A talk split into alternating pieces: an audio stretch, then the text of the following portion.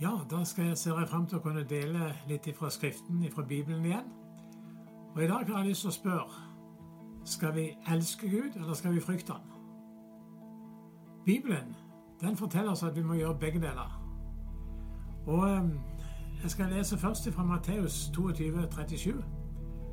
Der sa Jesus, du skal elske Herren din Gud av hele ditt hjerte, av hele din sjel og av all din forstand. Jeg tror vi, de fleste mennesker har forstått at det er viktig å elske Gud. Og vi har hørt mye om at Gud elsker oss. Veldig mye. Og det gjør han. Og eh, Jesus han eh, var veldig klar på dette, at han elsker mennesker. Men det som kanskje er litt vanskelig for oss å forstå, det er det at Jesus ba oss også å frykte Gud. Han sier annet at til, til en person der sier han, jeg skal vise dere hvem dere skal frykte. Da snakker han om Gud. Frykt for ham som etter å ha drept noen, har makt både til å kaste i helvete også. Ja, jeg sier dere, han skal dere frykte. Sannheten i Guds ord er at vi skal både elske og frykte Gud. Og eh, Gud, han ønsker at vi skal ha et velsigna liv i nært samfunn med Han. Og uh, den, den, Bibelen som sier det, den forteller oss i Salme 25, 14, at Herren har fortrolig samfunn med dem som frykter ham. Fortrolig samfunn. Ønsker ikke du å ha det med Gud? Det er den som frykter Gud. Og Det er så mange flotte løfter som er knytta til dette her med å frykte Gud. Blant annet i ordspråken 1.4.1.7. Der står det å frykte Herren.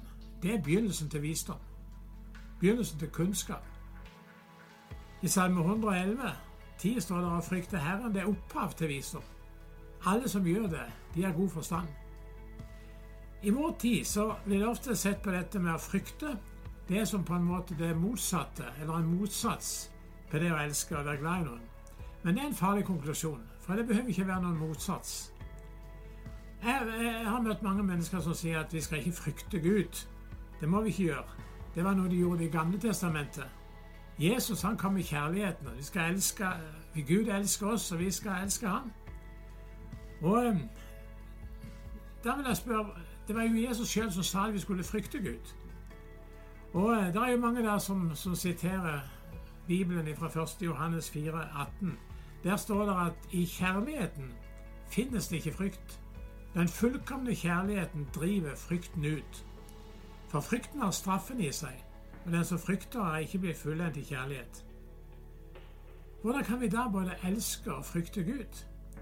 Hemmeligheten er det at den som elsker Gud, han frykter han. Det, men saken er den når du frykter Gud, så frykter du ikke for noe annet. Derfor er det lov til å oppleve at Guds kjærlighet i deg, den driver frykten ut fra alt annet. Og ingen omstendigheter gjør da at du frykter, fordi at du har et fortrolig samfunn med Gud. Jesus han sendte ut sine disipler, og da sa han til dem, 'Jeg sender dere som lam iblant ulver. Da trenger du virkelig å være frimodig for ikke å frykte. Men de hadde gudsfrykt, og da trengte de ikke frykte for ulvene. Paulus han sa det på den måten han sier det at gudsfrykt det er nyttig til alt. Og Det er, det er gudsfrykten som skaper hellighet i våre liv. Vi frykter Gud. Det får oss til å holde oss borte fra alt ondt. Vi ønsker ikke å såre han, vi ønsker ikke at det skal komme synd inn i våre liv. Det var jo denne frykten for Gud som gjorde at Josef, den gamle han som kom til Egypt i sin tid, farao ble faraos høyre hånd, han står der når han var, ble frista der, der, hvor han tjente, og konen til Potifar, der han var, hun kom og sa til Josef 'Kom og ligg med meg'. Og Da er det at Josef sier hvordan kan jeg gjøre en så stor ondskap og synde mot Gud? Josef hadde gudsfrykt, og det hindrer han i å synde. Du vet, eh, Der står det i ordspråkene, Salomos ordspråk 8.13, der står det at å frykte Herren, det er å hate det onde. John Biver, en kjent forkynner, han forteller en historie som for meg har har blitt veldig alvorlig.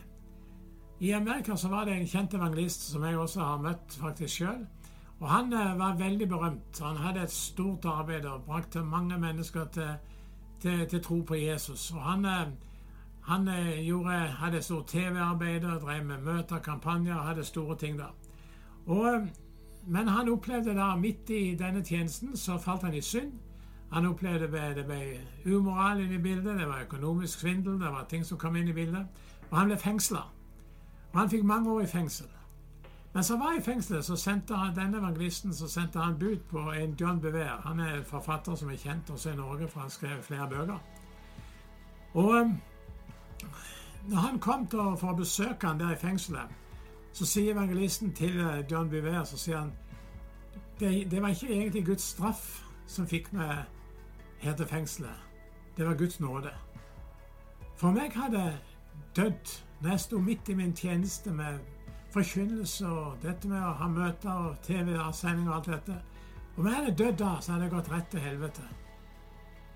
Jeg blir veldig forskrekka og sier Hvordan kan du si noe sånt? Nå var det, nå var det du når er det du mista kjærligheten til Jesus? Nei, sier evangelisten. Jeg mista aldri kjærligheten til Jesus. Jeg elsker han hele tida, men jeg frykter han ikke. Jeg hadde ikke respekt for han. Jeg fulgte han ikke. Han var ikke herre i livet mitt. Derfor så hadde jeg gått fortapt. Det ser jeg nå.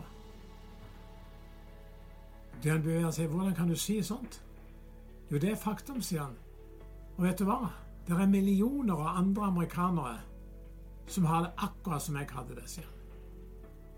Dette er noe som er veldig alvorlig å tenke på, fordi det er en farlig trend i vår tid som på en måte minner litt om at du kan ha et sånn kameratslig forhold til Jesus. Vi snakker om Gud som nesten som vi snakker om en gammel bestefar. Jeg hører forkynnere som har sagt at du bare hoppe opp på fanget til far og kos med, med pappa. Jeg er klar over at vi skal ha et godt og personlig forhold til Gud. Men vet du hva? Det er en skremmende lettsindighet å snakke om Gud og Jesus på den måten. Nå Nehemias Profeten skriver det i Nehemias 1,5. Så sier han Å Herre, himmelens Gud, du store og skremmende Gud, som holder pakten og viser kjærlighet mot alle som elsker deg og holder dine bud. Det var i Det gamle testamentet. En skremmende Gud. Og i Det nye testamentet så står det i Hebreabrevet 12, 28 siden vi får et sånn urokkelig rike, så la oss være takknemlige og med takk gjøre vår tjeneste i Guds frykt og ærefrykt, til glede for Gud.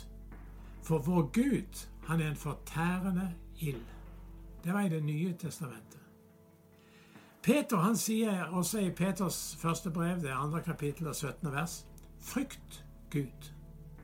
Og Paulus han sier til menigheten i Filippi når han skriver der i Filipperne 2,12.: Arbeid på deres egen frelse med frykt og beven.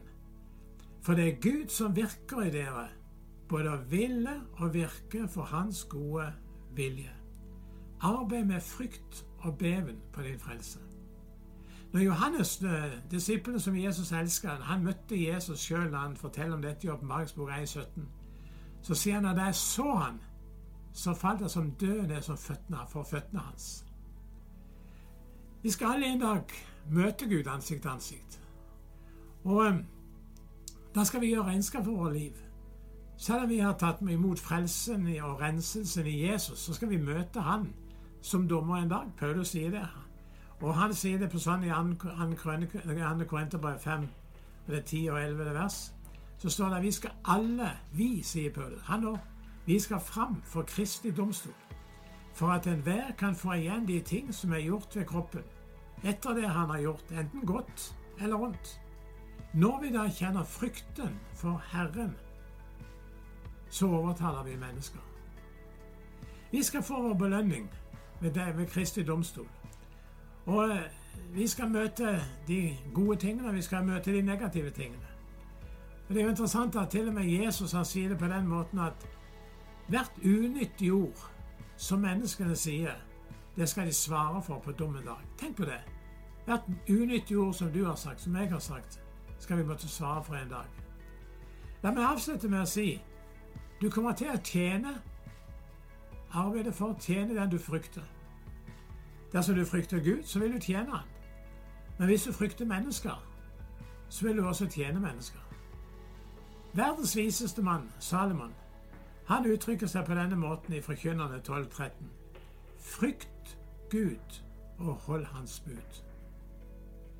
Da lever du i visdom og i daglig velsignelse, og har et fortrolig samfunn med Gud.